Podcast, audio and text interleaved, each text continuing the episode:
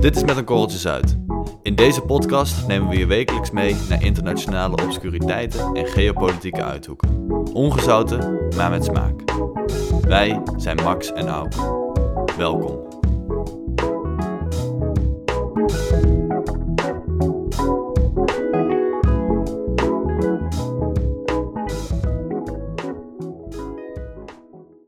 Ja, Max, het is nu bijna vijf jaar geleden dat in Jemen de burgeroorlog begon.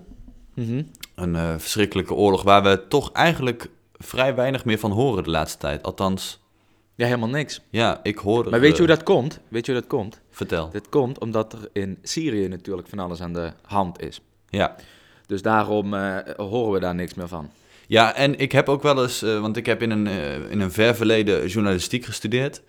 Eh, en ik ga je nu, nu niet iets heel schokkends zeggen, maar eh, het probleem met journalistiek is eh, dat het, eh, dat het altijd focust op de uitzondering. Want je hoort Ja. nooit een nieuws, het, nooit vol, voorpagina Telegraaf, weer geen oorlog in Tilburg. Weet je, dat, Ja, maar kijk, iedereen focust altijd op de uitzondering. ja, maar dat is wel het probleem van nieuws. Ja, oké, ga jij maar eens een krant lezen met dagelijkse dingen. Ja, precies, maar Ja, Martijn nee, daarom, heeft gisteren een nieuwe fiets gekocht. Nee, daarom het, is, het is logisch aan de ene kant, maar aan de andere kant, ja, eh, zorgt er het wel voor dat wij alleen maar het negatieve vaak te, te, te, te lezen en te zien krijgen. Maar En- daarom zijn wij er. Ja, precies. En dus dat een oorlog die al vijf jaar eh dooremmert, Mhm. eh, ja, niet dagelijks op de voorpagina staat. Zoals dus Jemen. Ja, want wat is daar nu aan de hand? Ik heb het even uitgezocht en ehm, ik dacht, laat ik dat eens even in een, in een hapklare brok uitleggen. Eh, Het is eigenlijk helemaal niet zo'n hele ingewikkelde oorlog daar. Na de, de, de, de Arabische lente, 2011, werd daar eigenlijk eh, de regering een beetje politiek verzwakt. Mensen hadden er niet meer zoveel vertrouwen in. Ja, die hadden niet zo zin in zo'n, in zo'n Arabische leider die toch wat dictatoriale trekken had.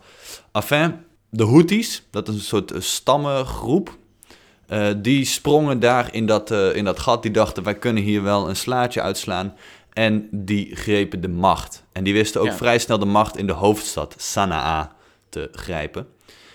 Ja, als gevolg daarvan dacht de regering natuurlijk van... ho eens even, dit is niet de bedoeling. Daar gaan we tegen vechten. Oftewel burgeroorlog. Ja, de klassieke, eh, het klassieke burgeroorlogverhaal. Juist, juist. Oké. Dus de Houthis tegenover de overheid. Daar komt het op Ja. neer. Ehm, en de Houthis die controleren de hoofdstad, oftewel het belangrijkste machtscentrum. Maar nu is het zo dat de Houthis... Wacht, even een stap terug. Het is natuurlijk een islamitisch land. En eh, de islam, als ik het goed zeg, kun je eigenlijk eh, grofweg... Als je het zou vergelijken met het christendom, heb je katholieken en protestanten. En Mhm. in de islam heb je Soenieten en Shiiten. Ja, En eh, om het even helder te hebben, de Houthis, dat zijn Shiiten. Mhm. En de overheid, dat zijn Soenieten. Ja. Ja? Kun je uitleggen wat precies het verschil is tussen die twee? het theologische verschil tussen Shiiten ja, en Soenieten. Ja, eigenlijk gewoon kort, eh, ja, gewoon het Eh, verschil. Ja, dat heeft alles te maken met de opvolging van hun profeet eh, Mohammed. De Shiiten die vonden dat dat zijn, volgens mij, neef en rechterhand Ali had moeten zijn. Nadat eh, Mohammed stierf, ergens in de zevende eeuw. Maar dat gebeurde niet, want de opvolger, de eerste kalif, dat was Abu Bakr. En eh, nou, de, de Soenieten die vonden dat wel een goed idee. En de Shiiten die zeiden ja, dat had Ali moeten zijn. Dat is eigenlijk het enige verschil, afgezien van een paar feestdagen die ze natuurlijk eh, anders vieren. Of, eh, en natuurlijk het feit dat de Soenieten gewoon in andere landen wonen dan de Shiiten. Want waar zitten nu voornamelijk Soenieten en waar zitten Shiiten? Ja, Soenieten, Soe- het Soenitische bolwerk is natuurlijk Saoedi-Arabië. Ja. Die zijn zo Soenitisch als, ja, als een Arabier. Eh, en de eh Iranezen, dat zijn eh eh, Shiiten. Iranezen en wat, wat Koerden en ja. you name it. En daar, daar, daar, daar ligt je eigenlijk al een beetje de sluier op van ehm, eigenlijk de achtergrond van dit conflict. Mhm. Ehm, wat je zegt, de Shiiten, dat zijn, of ja, Iran is eigenlijk een uh, Shiïtisch bolwerk. Want los van het feit dat dit een burgeroorlog is, dan zou je denken, nou dat is eh, een intern conflict, daar gaan we ons niet mee bemoeien. Maar Mhm. we weten allemaal dat geopolitiek net iets anders werkt dan, dan dat. Dus wat het eigenlijk op neerkomt in Jemen, is dat het een zogenaamde proxyoorlog is. Oftewel, Ja. Iran, die steunt dus de Shiiten, oftewel de Houthis. Je- Het, het, het wordt wel ingewikkeld zo, maar het valt, wel, het valt mee. Tegenover het regeringsleger, de Soenieten van Jemen. Ja. Leg ik dat duidelijk uit zo? Ja. Ja, ja, ja. Klopt nog allemaal. Het klopt allemaal, ja. Ja, dus, dus ehm, wat zich eigenlijk afspeelt in, in, in Jemen is dat Iran die rebellen eh, aan het steunen is, financieel, maar ook met wapens en, en noem maar op. En Saudi-Arabië steunt het overheidsleger en bombardeert daar eh, vanuit die kant volle gas op de, eh de Houthis. Ja, dus een proxyoorlog. En een proxyoorlog is eigenlijk gewoon een oorlog tussen twee landen. In dit geval dan Saudi-Arabië aan de ene kant en Iran aan de andere kant. Die op een ander grondgebied eh, ja, dat, dat uitvechten. En waarom net daar? Waarom net daar in Jemen? Dat, daar, dat, dat, dat hoekje? Ja, dat is een, eh, dat is een hele goede vraag. En waarom net daar? Dan moeten we eigenlijk... Ja, het, het korte antwoord is invloed. Invloed hebben over, over het, eh, het Arabische schiereiland. Het lange antwoord is ja, iets langer. Ja, is, is het echt? Is het lange antwoord? Is langer. Daar komt het op neer. Ehm, het heeft namelijk te maken met het feit dat, ja, we zeiden het net al, de, de Iranezen en de Saudiërs, die, eh, die, die zien elkaar, die vinden elkaar niet zo leuk, die vinden elkaar niet zo aardig. En die willen allebei ehm, ervoor zorgen dat die andere een beetje zich gedijst en koest houdt. Ja, dus Saudi-Arabië wil niet dat Iran invloed heeft in eh buurlandje Jemen. En omgekeerd wil Iran, ja, die wil wel graag invloed hebben in dat gebied om, om Saudi-Arabië een beetje eh, in de kooi te houden. Dus die willen daar wel invloed hebben. Oftewel, ja, en, en, en Saudi-Arabië wil dat dan weer niet. Nou ja, goed. Dus, dus, dus het komt er eigenlijk gewoon op neer dat eh, die twee grootmachten, Iran en Saudi-Arabië, elkaar constant in, ja, in de smiezen houden en ervoor willen zorgen dat die ander niet te veel macht krijgt. eh, en, die, en die balans die zoeken ze de hele tijd. En dat zorgt gewoon voor eeuwig conflict. Want eigenlijk het hele Midden-Oosten conflict, wat natuurlijk zo ingewikkeld is als, als, als de kwantumtheorie van, van, van de kwantummechanica. De kwantumtheorie van de kwantummechanica. Ik weet niet waar. waar Als ik- zo ingewikkeld als een Rubik's Cube. Ehm, maar ja, nou, dat komt er wel vaak op neer dat, eh, die, twee, dat die twee grootmachten elkaar eh, in, ja, in checks en balance houden. En dus de ene steunt weer overheidslegers, de ander weer rebellenlegers en vice versa. En zo gaat dat eeuwig door. En dan komt de Verenigde Staten daar ook nog eens tussendoor door overal wapens aan iedereen te geven. En, en, En en, nog even 20 straaljagers en 30 tanks en Ja. eh, 480 miljoen M16's. Precies, en die roepen, die roepen drie keer democracy en freedom. En dan, eh, dan hebben ze ook het hele eh mediaspectakel en de, en, de, en, de, eh, en de westerse wereld achter zich. Ehm, Ja. Maar ja, in, in heel kort samengevat komt het daar toch wel, wel op neer. Oké. En natuurlijk dat daar, eh, die zitten daar eh, net, eh, zit die daar geografisch net in dat hoekje waar iedereen langs moet met zijn boot. Dus iedereen die van Europa naar, eh, ja precies, Ja. Jemen. Ja, ja, ja. Die van Europa naar India wil, dat zeiden we de vorige keer al, ja, die Mhm. moet er toch, die moet er toch eh, langs. Dus Ja, daar zullen we ook wel de baat bij hebben dat dat daar niet eh, de klauwen uitloopt, want dan kun je daar straks niet meer met je olietank. Nee, precies. Het is, een, eh, ja, het is ook geografisch een strategisch hoekje. Ja, absoluut, absoluut.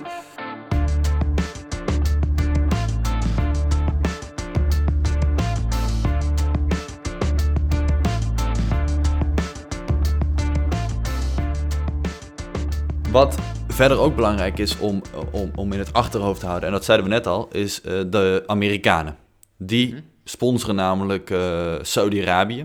Eh, gigantisch. Die sturen tanks, eh, F-16's, JSF's en zelfs clusterbommen. Iets wat eh, volgens eh twintigtal VN-verdragen gewoon eh, totaal onethisch is. En die sturen ze allemaal de kant van Saudi-Arabië op in, in ruil voor flinke olievoorraden en grote zakken geld. Ja, dus, dus de VS die, die, die, die sponsort actief die oorlog, maar ze vechten ook zelf mee met drones, Drones. geloof ik, hè? Ja. Ja, Hoe zit dat precies? Ja, die mikken daar de ene naar de andere drone op, op allerlei doelwitten waarvan ze zelf zeggen dat dat uh, goed uitgekookte, um, netjes uitgedokterde uh, vijandelijke doelwitten zijn. Mm -hmm. Maar ja, daar, daar vallen natuurlijk ook uh, burgerslachtoffers bij. Maar we kunnen best wel eens eventjes, laten we eens eventjes met z'n tweeën filosoferen over, die, over het gebruik van die, van die drones. Mm -hmm. Want wat doet Amerika? Die sturen Jack en Thomas naar Washington Boulevard, ergens in Fort Bel Belvoir. Uh, op de tiende verdieping van een overheidsgebouw, die daar vervolgens samen met een commandant uh, met een stuurknuppeltje uh, ja, een, een, een, bom ergens neerflikkeren, 10.000 kilometer verderop, terwijl ze zelf nog, nog net de halve liter koffie van de Starbucks kunnen wegslurpen. Ja, ja daar, daar ontstaat natuurlijk een debat over. Ja. En ja, er zijn natuurlijk voorstanders en er zijn tegenstanders. Zo gaat dat met een debat. De tegenstanders die, die vinden dat natuurlijk onethisch. Dat je niet, dat, dat, ja, dat, dat, dat is niet gelijk oversteken, snap je? Als wij elkaar uh, met, met, een zwaar te lijf gaan, ja, dan kun jij mij raken, ik kan jou raken. En dan mm -hmm. is het uh, degene die, die, die ja, de, de, may the best man win, zeg Ja, ja zij zitten daar in principe gewoon achter een, uh, bij wijze van spreken, achter een Playstation met een scherm, een paar bommen Juist, uh, op, op, op, ja. op, die mensen te vuren. Daarvan zeggen de voorstanders van die drones... Kijk, je moet je voorstellen dat wij al ons hele, onze hele oorlogsgeschiedenis... de hele menselijke oorlogsgeschiedenis... proberen we om onze uh, vechters, onze combatants... zo ver mogelijk van het strijdtoneel af te houden. Hè? Mm -hmm. Dus eerst hadden we uh, een knuppel... Toen hadden we een pijl en boog, dus dan kon je al wat verder gaan staan. Daarna mm-hmm. kreeg je een, een, een wapen en een, een, tank, ja. uh, een vliegtuig en die kon steeds verder, verder ja. af gaan staan. Ja, en er komt nog eens bij dat het verschil tussen een drone of een F-16 ook maar miniem is. Want als iemand overvliegt uh, met, een F, met een F-16 met 1000 km per uur en die laat op 10 kilometer hoogte eens een keer een bom naar beneden vallen. Nou, daar ga jij als rebel ook uh, weinig aan doen hoor, als, je dat, als je dat niet zou bevallen. Ja. Dus um, wat dat betreft zeggen de voorstanders van, die, van het gebruik van die drones, is het juist ethisch om die dingen in te zetten. Want zo breng je de, uh, de, de kans dat jouw soldaten geraakt worden door vijandelijk uh, artillerievuur terug naar ja, nul. Ja. He, want op de tiende verdieping op Washington Boulevard in Fort Belvoir word je niet ge geraakt natuurlijk. Door een Houthise rebel. Nee, nee. nee, precies, precies. Ja, ja, ja, ja. Zeg ik in alle seriositeit natuurlijk. Maar kijk, er bestaat zoiets in het internationaal recht als dat jus in bello. Dus hoe moet je je gedragen als je oorlog gaat voeren? Mm -hmm. En een van de dingen die daar wel belangrijk uh, bij is, is dat je een beetje proportioneel moet handelen. Mm -hmm. Nou, je kunt je natuurlijk voorstellen dat als jij vanuit uh, Amerika met een cameraatje en die technologie die wordt natuurlijk steeds beter en daar, wordt, daar is natuurlijk steeds minder collateral damage, oftewel nevenschade. Ja. Maar je, daar, daar vallen natuurlijk wel nog steeds uh, gewoon um, slachtoffers bij, bij die aanvallen, ja. die daar niet horen te vallen. Oftewel de, de non-combatants, de niet-soldaten, degene ja. die je volgens het internationale recht uh, niet mag aanvallen. Ook al zijn ze onderdeel van laten we zeggen, de tegenpartij. Ja, ja, ja. Dat is één. Twee, uh, daar vallen natuurlijk kinderslachtoffers. Absoluut. Uh, daar zijn, er zijn ook weer een aantal dingen van te zeggen, namelijk dat in heel veel gevallen die kinderen gewoon onderdeel zijn van de strijdmacht van de tegenstander, kindsoldaten. Mm -hmm. en twee, dat dat over het algemeen genomen toch nog steeds veel accurater is dan dat je daar een groepje laten we zeggen, landmachtsoldaten, of hoe mm -hmm. noem je die mensen? Ja, um, ja gewoon uh, voed, voedsoldaten. Voedsoldaten naartoe stuurt die daar vervolgens zelf op eigen houtje, want als je een wapen in je hand hebt, haal je zelf de, de trekker over, mm -hmm. op eigen initiatief. Ja. Dat dat nog steeds veel minder slachtoffers over het algemeen oplevert dan met zo'n zo'n drone-aanval. Want zo'n ja. drone-aanval die wordt natuurlijk gepland. Nog een keer door, of tenminste dat zeggen ze, die wordt gepland. Daar wordt met meerdere mensen naar gekeken. Er moet een commandant zijn, die moet daar iets van vinden. Dan moet dat nog uitgedokterd worden. Dan moeten mm -hmm. ze kijken wat de schade is. Dan moeten ze kijken wat, hè, wat zijn de risico's, et cetera, et cetera. Dus daar wordt vrij goed over nagedacht, zeggen ze. Nogmaals, hè, dat, ja. dat, dat, is het, dat is het verhaal. Terwijl wij weten natuurlijk niet wat er gebeurt in, in, in Amerika. En ja. vaak worden die dingen ook nog eens bestuurd door CIA-mensen. Uh, en zij zijn helemaal niet onderdeel van het, uh, ja. van het oorlogsrecht. Snap je? Zij zijn helemaal geen onderdeel van dat, uh, van dat hele dat concept. Ja. Ja, dit is, uh, een interessant punt. Ik heb net toevallig het boek uh, De meeste mensen deugen gelezen van uh, Rutger Brechtman. Ah, ja. en, en daarin um, komt hij met een aantal um, wetenschappelijke artikelen en, en, en, en interviews. Waaruit bleek in de Tweede Wereldoorlog al, hebben de Amerikanen ontdekt dat eh, als je soldaten actief laat schieten op de tegenstander, die ze hè, gewoon met, met een mitrailleur in de hand erop schieten, dat Mhm. maar 30% ook echt actief daarop schiet. De meeste mensen schieten eh, eh, bewust te hoog of te laag. Eh, of, of, of, een, of een groot deel die probeert gewoon constant eronder uit te komen door te zeggen: ik ga even herladen of ik ga nog even eten halen, ik haal wel wat water. Ik... Het bleek dus dat mensen, en, zo, en dat komt, zo heet het boek natuurlijk, hè, de meeste mensen deugen, dat mensen het helemaal niet chill vinden om andere mensen te doden. Klinkt heel logisch. Maar, Ja, ik wou zeggen, dat, en daar ehm, moest hij een boek voor schrijven. nou ja, maar daar, daar Ja, ik kwam vind het niet natuurlijk zo het... eh, ik, ik vind het gewoon niet zo chill om mensen te doden. ik weet niet, eh, ja, ik weet niet, ik heb daar gewoon niks mee. Nee, maar je voorheen was altijd de gedachte van... Nou ja, je zet 10.000 soldaten neer, die gaan alle 10.000 volle gas de, de tegenstander neermaaien. Nou, dat bleek dus niet zo te zijn. Echt maar 30% dat dat echt actief deed. Nou, daar kwam het Amerikaans leger achter. Dus die hebben daar natuurlijk hun techniek op aangepast. En die, kwamen, die dachten dus, we moeten eigenlijk de tegenstander steeds verder verwijderen. Zowel fysiek als mentaal.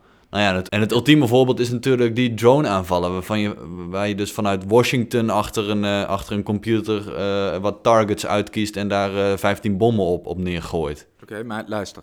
We zijn nu trouw- trouwens wel heel erg ver van de oorlog in Jemen aan het afraken. Maar ik wil het, het, het, het- het- daar is het laatste woord nog niet over gezegd. Want als je toch kijkt naar de, laten we zeggen, de grote battles in de Tweede Wereldoorlog. Ik noem een Stalingrad, ik noem Berlijn, ik noem Normandië, eh, weet ik veel. Ja. Bastogne, noem het allemaal maar op. Als je kijkt naar de doden die daarbij zijn gevallen, dan lijkt het er toch niet op dat eh, maar 30% van de mensen eh, echt iemand wilde afmaken. Volgens mij, we- volgens mij maakte iedereen elkaar daar af. Maar goed, hij, heeft daar, hij zal daar vast en zeker een wetenschappelijke bron voor hebben. Hoewel ik vraag me dan ook wel weer meteen af hoe je zoiets nou gaat meten. Kijk, als je iemand afgraaf vraagt, ja, wat, wat, eh, wat eh, vond je het nou leuk om, eh, om die gast een kogel door zijn kop te jagen? Ja, dan, dan kan ik me natuurlijk voorstellen dat je nee als antwoord krijgt. Mm. Maar goed, Mm. uiteindelijk is het ook gewoon to kill or be killed. Of wat is het? de, de, e- je moet eten, anders word je gegeten. Nou, dat, Mhm. dat, die spreuk zal op zijn gegaan in, Mhm. in Stalingrad, waar je door de Duitsers omsingeld bent en niks anders kunt dan iemand gewoon een groot stuk lood door zijn hoofd jagen. Mhm. anders dan kom je er niet, niet levend uit.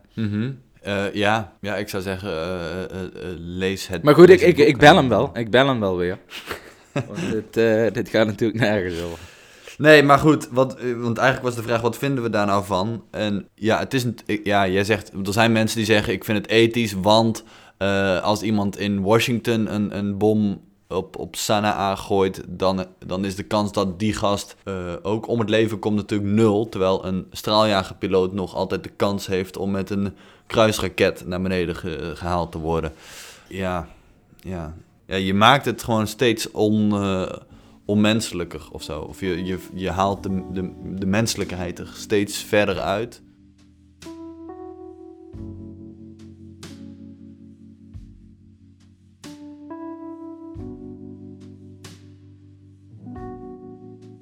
Wat me trouwens wel even op het volgende, volgende punt brengt. Uit cijfers van de Verenigde Naties blijkt dat Saudi-Arabië, die dus actief eh, in Jemen bombardeert, op een derde van de keren dat zij bombarderen, ook daadwerkelijk eh, burgerlijke doelen eh, raakt. Dus denk aan scholen, ziekenhuizen, ja, eigenlijk praktisch alles wat niet militair is.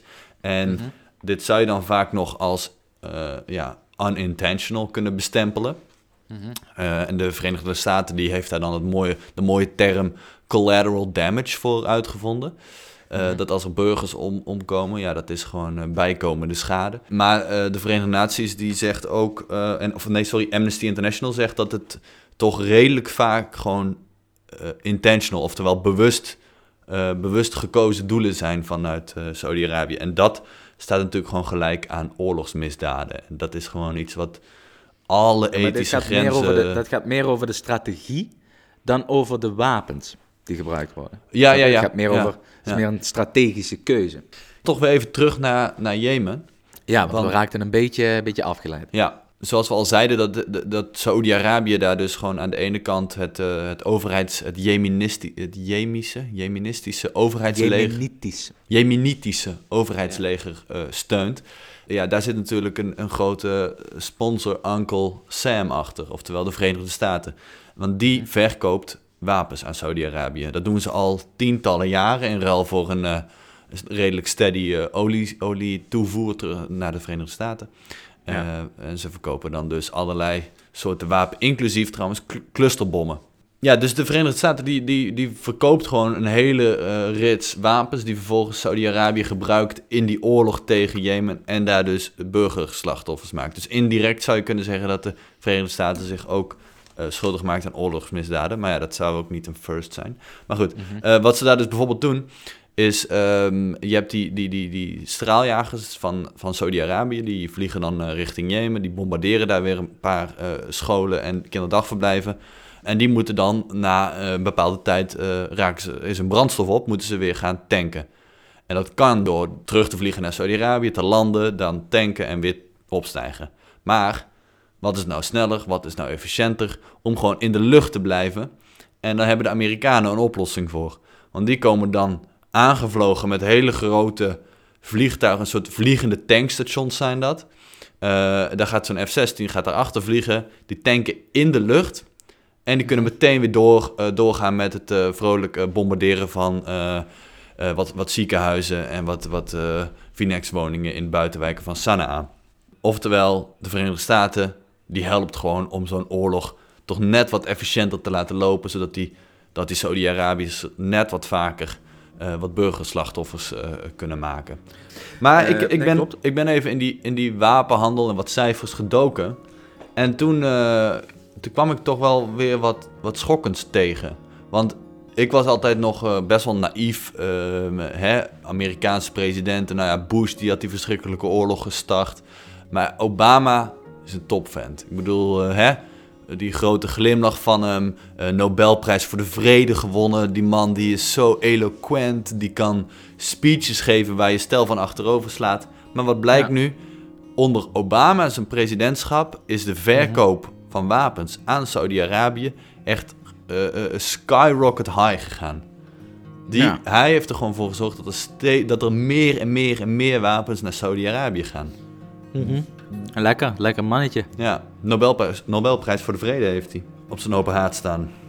Oké, maar ehm, dat, is wel, eh, dat is wel bizar. Want mensen hebben toch wel altijd een, een hoge pet op van het morele besef van onze grote vriend Barack Obama. Ja, eh, heel even kort cijfers. Sinds 2015 in Jemen 100.000 doden, waarvan minstens 12.000 burgers.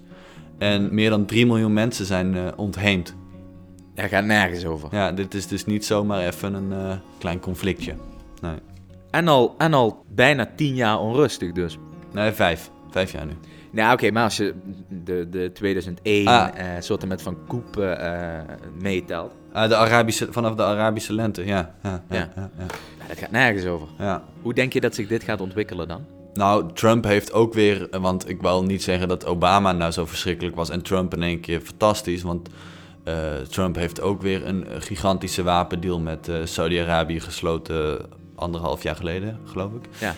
Nou ja, dus dit gaat gewoon door. Dit emmert gewoon door in de, in de strijd om, eh, om invloed over, over Jemen. En ehm, ik weet niet hoe, hoe lang de, de adem van Iran is. Want ik denk dat het daar toch uiteindelijk wel eh, grotendeels van afhangt. Eh, maar zolang Iran staande kan houden met, in Jemen, hè, met die, met die Houthi-rebellen, zal dit gewoon door, door emmeren, doorgaan.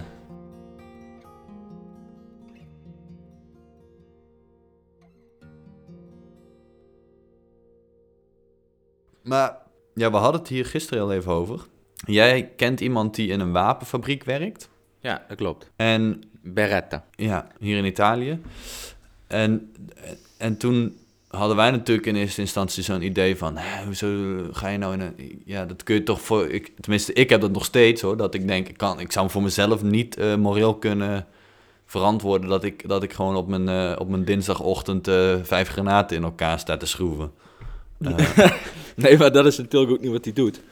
Ja, hij ont- Eh. wat, wat doet hij? Hij ontwerpt het of zo. Ja, hij is daar. ehm, hij is dus ingenieur van zijn. engineer is hij. Van, van, zijn, van, van huis uit. En hij, hij eh, managt daar eh, projecten. Eigenlijk raakt dit een beetje aan waar we het net over hadden met die Mhm. drones. Ja. Want Beretta maakt gewoon handwapens die de politia hier gebruikt. En de, de, de, de carabinieri en dat, Mhm. soort, ehm, dat soort clubs. Ja. Nou, lijkt me wel handig als die mensen allemaal gewoon een vuurwapen eh, in hun bezit hebben. Voor als hier de Italianen zich weer eens niet naar behoren eh, weten te gedragen. Dat die dus ook enigszins orde op zaken kunnen stellen. Ja. Dus dat. Maar zij maken ook, als ik me niet vergis, maken zij ook eh, wapens die eh, de gemiddelde politieman niet bij zich heeft. En die enigszins mm, eh, ja, schadelijk kunnen zijn als je die tot ofwel ontploffing laat brengen, ofwel tot, als je die laat afgaan. Ja, is dat immoreel om voor een, wapen, voor een wapenfabriek te werken? Is dat een. Ja. Ik vraag me dat een beetje af. Ik vraag me dat een beetje af. Het, gaat ook om de intenties die je hebt met zo'n wapen. Zoals ik zeg, als het voor de carabinieri is, nou dan is er geen probleem. Maar eh, als daarmee eh, kinderen worden afgemaakt in eh, het buitenland, ja, dan is het wel een probleem. Ja. Kijk, misschien is het wel zo dat een wapen uiteindelijk altijd wel in de handen terechtkomt, vroeg of laat, van iemand die daar eh, toch andere intenties mee heeft. Mhm. Ja. En het maken van wapens, dat is zo oud als ademen en poepen. Dus Mhm. dat ga je sowieso niet inperken. Ja. Eh, dus ja, ik weet het niet. Is dat ethisch? Ik weet niet. Ik zou het zelf eh, misschien niet zo snel doen. Ik, zou denk- het zelf niet doen, denk ik denk dat, dat ze het op twee argumenten gooien. Eén, eh, het, het bekende Amerikaanse guns don't kill people, people do. Dus ja, het is altijd een mens die iets fout doet. Dus het wapen zelf is niet fout. Maar ja, dat is degene- het argument dat ik net ook gebruikte. Precies. En, ehm, en, en het tweede is eh, dat een wapen natuurlijk ook, ja, hoe gek het ook klinkt, natuurlijk al- als, wel als een soort ja, vredestichter kan werken. Dus het heeft namelijk een afschrikkende werking. Als, Ja. dat, is ook, ja, dat is ook weer hetzelfde wat ze in Amerika gebruiken met hun Second Amendment. Maar als ik weet dat mijn buurman een wapen heeft en ik heb er zelf ook één en hij weet dat ook van mij, dan zullen we elkaar niet zo snel in de haren vliegen, want voor je het weet schieten we elkaar overhoop en daar hebben we allebei geen zin in. Eh, Ja, hoewel dat op, op eh, zeg maar interpersoonlijk niveau zeggen alle statistieken dat dat dus Mhm. een onzinargument is. Want er is Mhm. ja, nergens zoveel eh, homicide en weet ik veel wat als in Brazilië en als in Amerika waar iedere, iedere appelenkop met een, met een pistool rondwandelt. mhm. En, maar dit is ook wel het bekende argument voor eh, nucleaire wapens. Ja. Hè? ja. voor de atoombom. Oké, als ik weet dat jij een atoombom hebt, nou, dan, dan, dan zal ik jou niet zo snel aanvallen. En dat zorgt volgens sommige, ja, laten we zeggen, geopolitieke denkers mhm. eh, voor, voor vrede en stabiliteit Ja, in, het- eh, in onze geopolitieke anarchie. ja het, het mutually assured destruction. Hè, heet dat zo? Ja, dat had je dus tijdens de Koude Oorlog. Dan wist Amerika, zodra wij op de knop drukken om een paar eh, kernbommen richting, Rus, eh, richting de Sovjet-Unie te sturen. Ja, dan wist je eigenlijk eh, dat, dat er binnen drie minuten zouden de Russen ook op die knop drukken. En dan, was, eh, ja, dan brak de hel los, weet je. Dan zouden er zoveel Ja. kernbommen gaan vliegen dat, ja, dat we eigenlijk wisten dat de hele wereld naar de tyfus zou zijn. Dus Ja. ja, je was er gewoon Nou zeker ik- van. Ja. Ik denk dat dat, kijk, in de basis zit er natuurlijk wel wat in het argument. Maar het is natuurlijk wachten op iemand die daar gewoon dikke scheid aan heeft. En eh, Mhm. er helemaal geen probleem eh, mee heeft om ons allemaal eh, ja, de dood in te jagen. En gewoon op die knop drukt. Ja. Het is een beetje hetzelfde als dat handwapen van Beretta dat die vriend van mij ontwerpt. Zolang dat in de handen van de politie blijft, is het allemaal prima. Maar het is natuurlijk wachten op iemand die daar totaal andere intenties mee heeft.